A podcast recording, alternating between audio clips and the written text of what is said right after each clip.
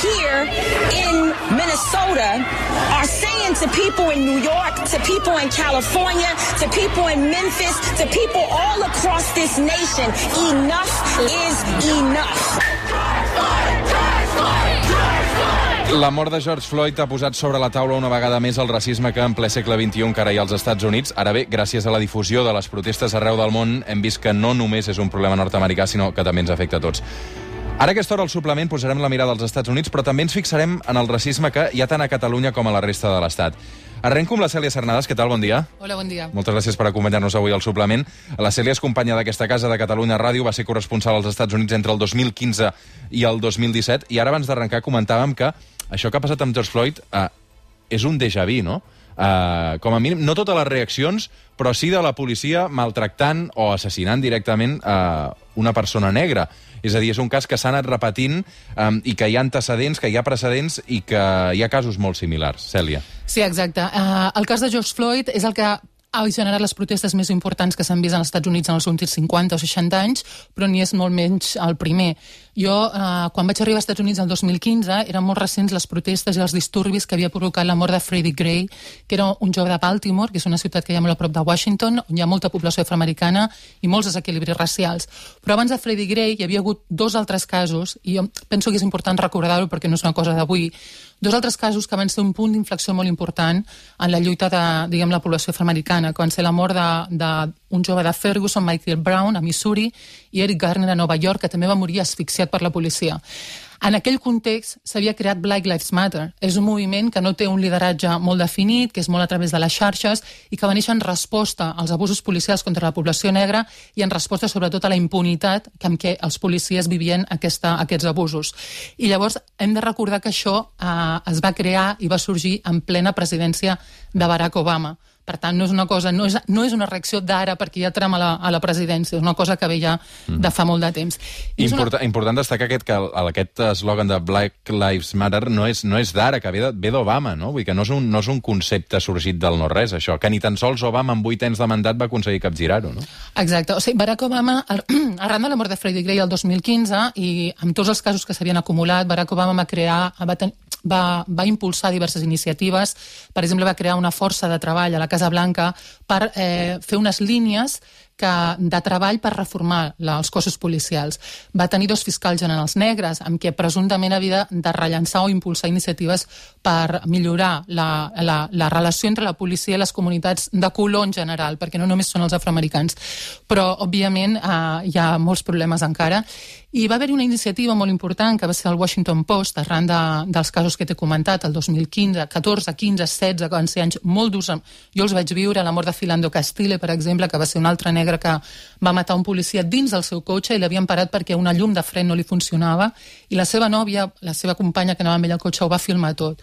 I va ser realment angoixant, aquella, aquell cas el recordo molt. Mm. Doncs el Washington Post va crear una, una base de dades sobre police shootings, que es diuen, no? Incidents de, amb la policia amb armes que mor gent. Moren unes mil i des de llavors els ha anat comptant, ha rebut el Premi Pulitzer per aquesta iniciativa.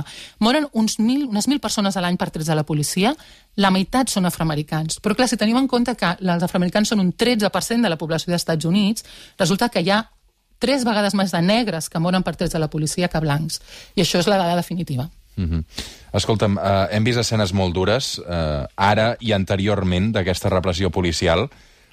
Hi ha la sensació de que és autoritària i violenta, aquesta policia. Per què?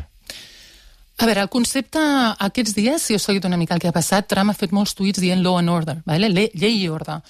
Llei i ordre és un concepte com molt, molt sagrat als Estats Units. I tu, encara jo, que era estrangera i blanca, sempre, me recordo, a mi robar hasta, uh, un mòbil a, als Estats Units i em deien, per què no el denuncies? I mira, és que prefereixo no tenir massa tractes amb la policia. O sigui, hi ha la percepció que és un cos autoritari i, i després, mentre vaig estar allà, et comentava, es van complir el 150 aniversari del fi de l'esclavitud als Estats Units. 150 anys, que no són gaires. I vaig fer una sèrie de reportatges viatjant per Nova York, Washington i el sud dels Estats Units. I vaig recollir molta gent, el que, molts afroamericans el que em deien és que el més dur és la sensació de sempre de, de, de que els altres et perceben sempre com a perillós i com a culpable. I això es percep especialment a la policia. A part, la policia sempre ha estat un òrgan de repressió Uh, els negres associen la policia a la repressió, no d'ara.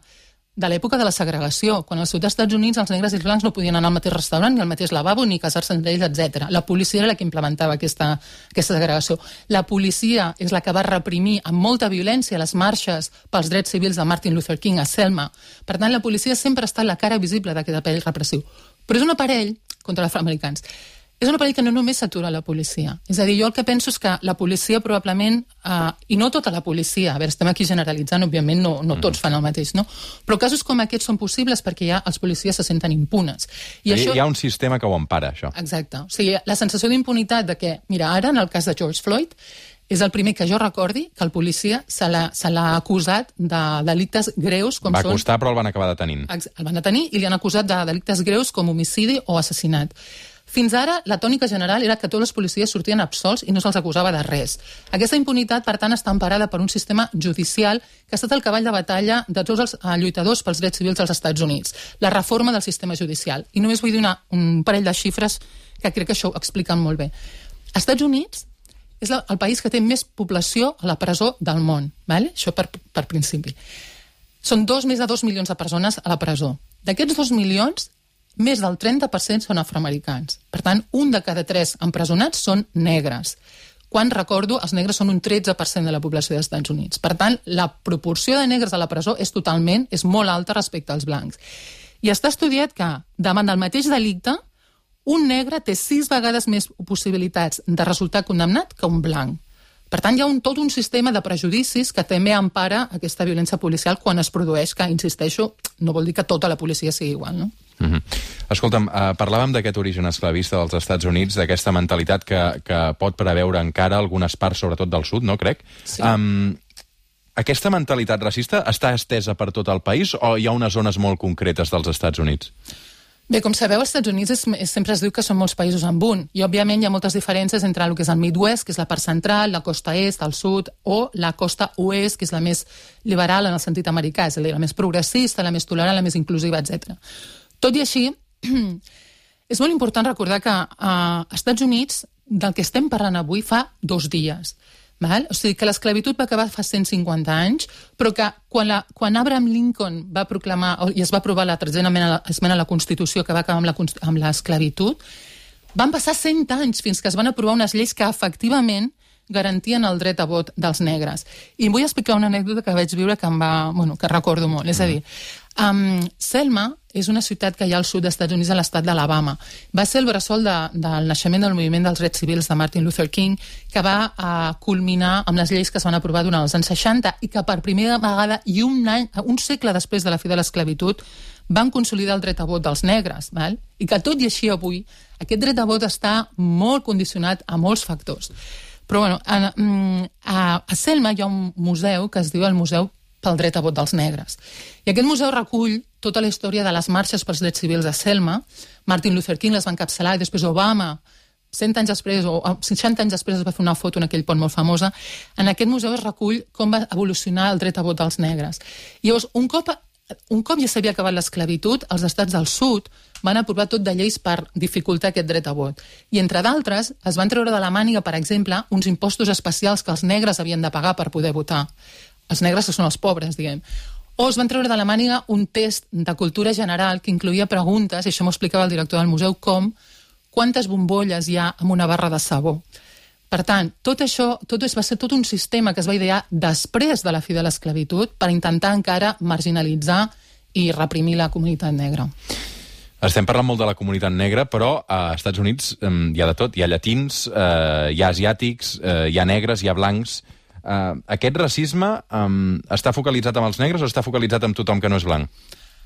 Bé, jo crec que la població negra és la més afectada per aquest tic totalment racial i de color i per la història dels Estats Units és que no ens hem de cansar que, per exemple, Washington DC, mm -hmm. la capital, està fundada, es va fundar sobre uns terrenys que va cedir els, van cedir els estats de Virgínia i Maryland, que eren dos estats esclavistes.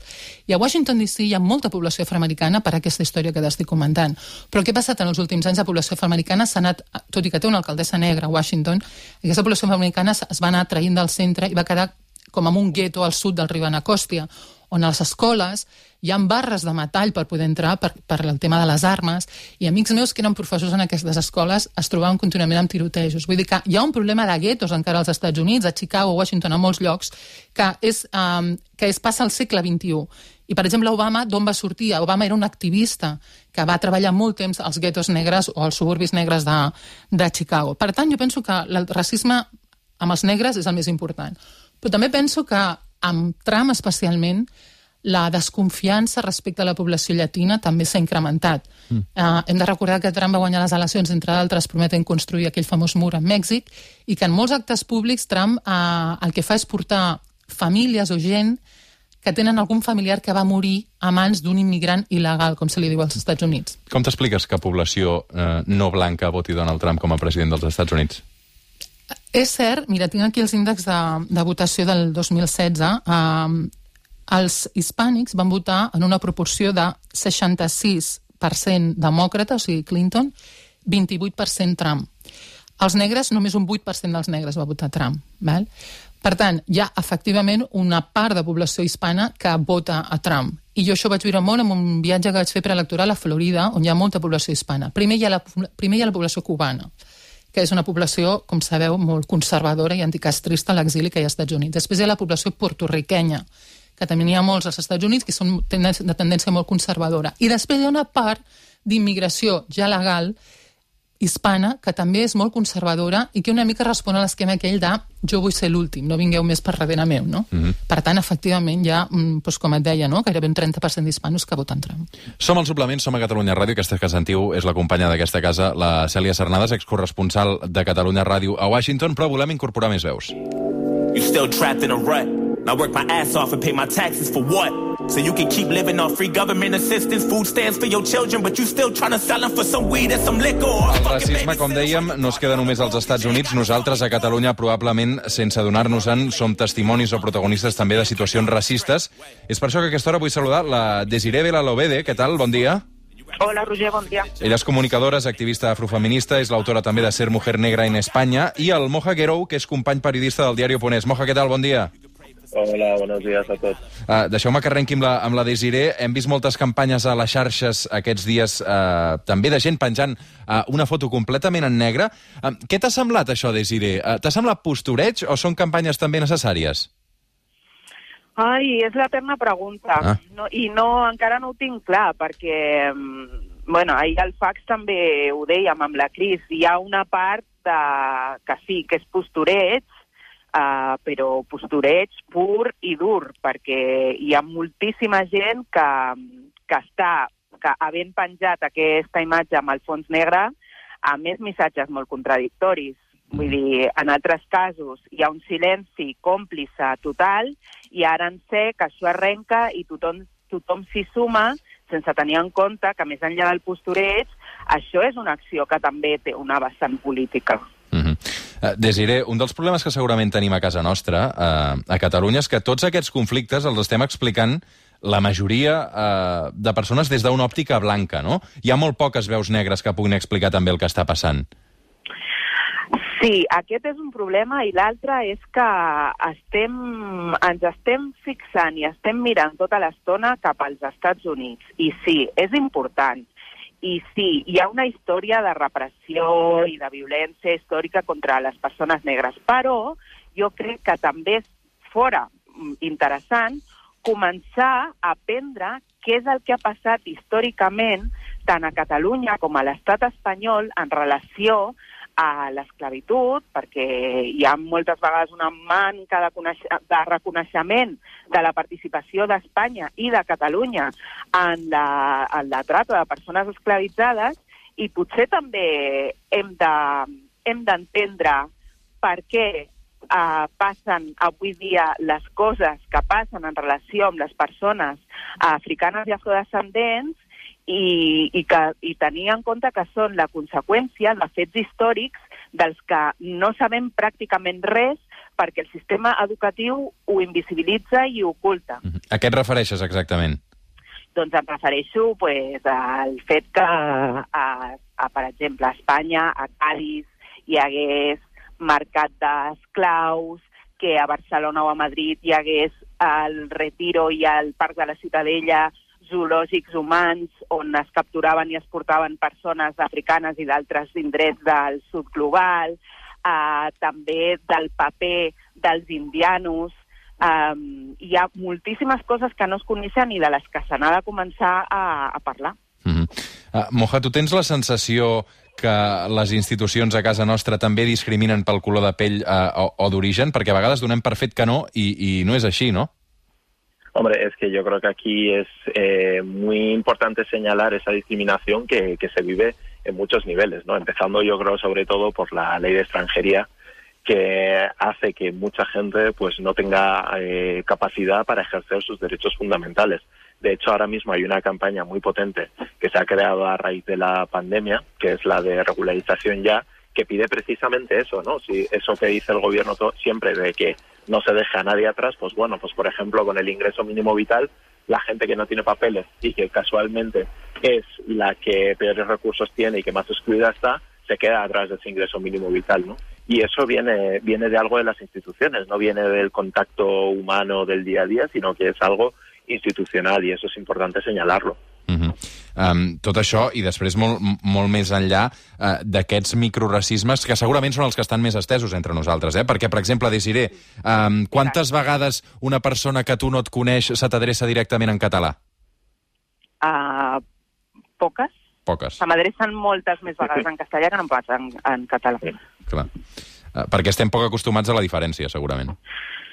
Sí, i per, per aquest fet de, de sotmetre els cossos que no són blancs a l'estrangerització constant. O sigui, no hi ha una consciència que persones, del fet que persones que no són blanques puguem ser espanyoles o catalanes. Llavors, en un, en un posat paternalista, perquè al final no deixa de ser paternalisme, eh, la gent ens parla directament en català creient que no, que no, ai, en castellà, creient que no entendrem si, si ens adrecen en, en català. No? Llavors, doncs tu, primer, adreça-t'hi a qui sigui en català i si no, i si no t'entenc, o potser t'entenc, però no, no parla català i t'hi pots adreçar igualment en català, tot i que l'altra la, persona et contesti en castellà, no? Llavors són aquestes coses que s'han de revisar, també.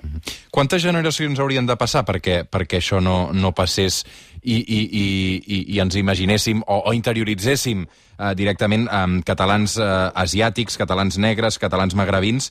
Eh, ho dic perquè això, per exemple, a ciutats més cosmopolites, com pot ser Londres, eh, doncs ho tens més interioritzat, no, ja, eh, Moja?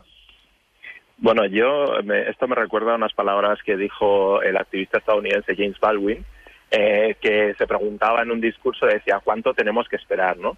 Y se lleva muchísimos años esperando, ¿no? Y esa diferencia que siempre ha existido en, aquí en España y en Europa, eh, lleva aquí mucho tiempo y nunca sabemos cuándo es el cuánto hay que esperar, a cuántas generaciones, cuánto tal. Yo creo que hay que hay que darle la vuelta a eso y empezar a decir eh, cuándo, cuánto se va a empezar, cuándo se va a empezar a cambiar eh, los sistemas que hacen que, que, esa exclusión se dé. A mí eh, la excusa de las generaciones a mí ahora mismo ya no me sirve. Tú te asomas ahora a cualquier colegio y, y, y, bueno, y ves una diversidad racial tremenda, pero sin embargo sigue existiendo el racismo y eso nos saca de esa lógica de, ah, yo tengo un amigo negro. Eso no es suficiente. Está claro que eso no es suficiente, que se necesita mucho más, que se necesitan acciones i polítiques concretes. Mm. Ara la Cèlia em parlava dels guetos que, que es continuen generant als Estats Units. Um, a Catalunya, a casa nostra, uh, i també arreu de l'Estat, hi ha barris clarament segregats per cultura, per religió, per color de, de la pell. Teniu aquesta sensació que és bastant inevitable um, que es continuïn generant guetos encara que no ho vulguem? Desiré. Ah, si és inevitable que es continuïn bé, això també, més enllà del que considerem inevitable o no, mentre les polítiques siguin les que siguin, doncs sí, evidentment, la formació de guetos continuarà. Mm, si no hi ha una voluntat política per, perquè deixin d'existir, mm, barris guetos, escoles guetos, també, que també n'hauríem de parlar d'això, no? Uh, però tot això forma part del mateix sistema i mentre, mentre això no canvi, els, els guetos no desapareixeran. Uh -huh. uh, Cèlia, volies dir una cosa? Sí, el racisme és una percepció i, una, i a vegades un esquema mental que tenim molt interioritzat, eh, desgraciadament, i que eh, s'ha de lluitar, penso jo, i ho vaig veure als Estats Units, des de l'àmbit institucional, local, estatal i federal en el cas, i aquí seria el mateix cas. Com pot ser que als Estats Units, per exemple, tu viatges al sud i hi ha banderes confederades encara en molts llocs. Les banderes confederades eren les banderes, la bandera de les, dels estats del sud durant la Guerra Civil que eren els estats esclavistes. Tu vas al cementiri de Selma i la gent... Com ta, és com trobar un àguila aquí, no? Correcte, però, però enmig de l'autopista de Virgínia o als cementiris la gent enterra els seus morts i posa una bandera confederada. Com pot ser que Robert Lee, que va ser el general de la Confederació, eh, tingui unes estàtues enormes a mitges ciutats i tot just ara, per exemple, a Richmond, Virginia, que és la capital, va ser la capital de la Confederació durant molt de temps, hi havia, jo la vaig veure, una estàtua enorme del general Lee enmig de la ciutat i tot just ara el governador, arran de les protestes, diguin que retiraran l'estàtua, no? Quan porta allà dècades i, tot, i era bueno, un objectiu dels, dels, dels moviments civils, no? Eliminar sobretot aquests símbols que semblen com una mica evocar una nostàlgia del passat, que és un passat clarament brutal i esclavista. I finalment, eh, jo recordo molt el que deia un, el fundador d'una organització de drets civils que hi ha als Estats Units, a Alabama, que es diu Equal Justice, que defensa una justícia igualitària per tothom, que diu l'esclavitud no va desaparèixer, diu, va evolucionar. Diu, i fins que els Estats Units i la gent en general, els blancs i totes les, les institucions reconeguin públicament i en, en un sentit de disculpa tot el que va passar als Estats Units no s'avançarà, perquè només s'ha avançat a cop de sentència judicial, pressió internacional, moviments mm, a vegades violents als carrers reclamant, però no hi ha hagut una, un procés d'adonar-se ni de demanar disculpes sobre el que va passar. I per ell això era la base de poder avançar. No? Uh -huh. uh, jo aquest matí em preguntava a la portada uh, si d'alguna manera el que vam viure fa 3 anys amb el moviment del, del Me Too, que també va aparèixer uh, d'entrada primer als Estats Units amb la denúncia dels abusos de Harvey Weinstein, en el cas d'Espanya de, agreujat per tota la sentència de, de la manada, uh, intentava relacionar aquell moviment que d'alguna manera ha anat creixent i s'ha extès i les reivindicacions del, del, del 8M van a més i els mitjans també hem incorporat eh, llenguatge feminista que segurament no utilitzàvem i conceptes doncs, que no en parlàvem gaire, tot això també eh, podíem trobar una semblança eh, amb el que ara estava passant amb l'assassinat de, de George Floyd. Um, creieu que es pot produir un, un moviment uh, o unes protestes similars? Desiré Moja i Cèlia Pertanca. Doncs tant de bo es produeixi perquè, perquè ja toca. Uh, jo, un apunt que voldria fer del que ha dit la Cèlia, més que el, pensant el racisme com, no, com una... Ara m'ha anat del cap i no, no, he, no he retingut el que has dit. Una percepció, el racisme és un sistema, igual que el, que el patriarcat, igual que el, que el, masclisme, que el masclisme, no? Llavors, sí, és necessari que, que es duin que es duguin a terme campanyes perquè, perquè comencem també a, a tenir aquesta consciència de que el racisme impregna tot, eh, doncs, les, les institucions, l'educació, la manera en què parlem i ens expressem, i que, que sí, que s'han de fer, s'ha de prendre consciència i s'han de fer molts canvis en aquest sentit. Moja. Bueno, yo creo que, mm, hay que entender que, esos momentos, ¿no? como puede ser este de, de George Floyd o, o, el inicio del movimiento Me Too, recogen una cosa que ya se viene luchando desde hace tiempo, ¿no? pero que en un momento dado pues se pone un foco especial en ese tema. Yo creo que estamos en ese momento. Yo creo que eh, a raíz del asesinato de George Floyd es en cierto modo una oportunidad para volver a poner sobre la mesa, ahora que mucha gente lo está viendo y ahora que mucha gente pues pone un cuadradito negro en su Instagram diciendo Blackout Tuesday, de saber las implicaciones que tiene ser antirracista, ¿no? Ya no vale con no ser racista, sino que hay que ser antirracista y ser antirracista eh, habla de, tomar acción, de no callarte cuando oyes a tu vecino decir una racistada, eh, votar en consecuencia eh, y un montón de y un montón de situaciones en las que se toma acción y eso es lo difícil. El antirracismo no es una cosa que, que salga cuando hay una, un asesinato o una, pues, eh, una situación muy mediática, sino que es una cosa de mucho tiempo y que bueno, y que es verdad que estas circunstancias hacen que, que más gente ponga el foco y que tengamos que trabajar como mucho más duro. Cèlia, per tancar. Evidentment, el, el racisme és un sistema, hem explicat abans, als Estats Units és molt evident, i penso que uh, jo sempre em pregunto per què ara, per què ara estem veient el que estem veient per George Floyd i no vam veure després de moltes altres morts que, que hem comentat abans, no?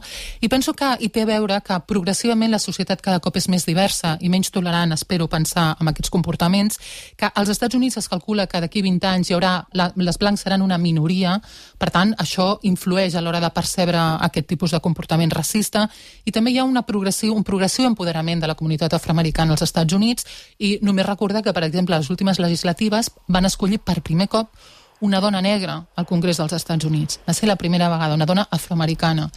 Bueno, això és un canvi, i poc a poc jo crec que en veurem més. Black hand, black hand, white hand, black man plows white man's white land, white cotton in the white fields. Avui al suplement hem intentat eh, afrontar una estona amb aquesta qüestió que evidentment està d'actualitat i que ara a les 11 aquestes manifestacions arriben també a Catalunya. Malgrat el mal temps, es manté la marxa a Barcelona, també n'hi haurà a Girona, Lleida, Tarragona. Esperem que el temps també eh, respecti i també les mesures de seguretat de, de la Covid. Eh, moltes gràcies a la Desiree Vela, l'OBD és comunicadora, és activista afrofeminista, és autora de Ser Mujer Negra en Espanya, un llibre que recomanem moltíssim.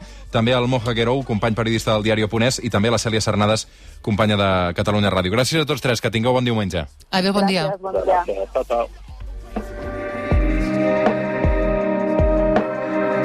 El suplement amb Roger Escapa.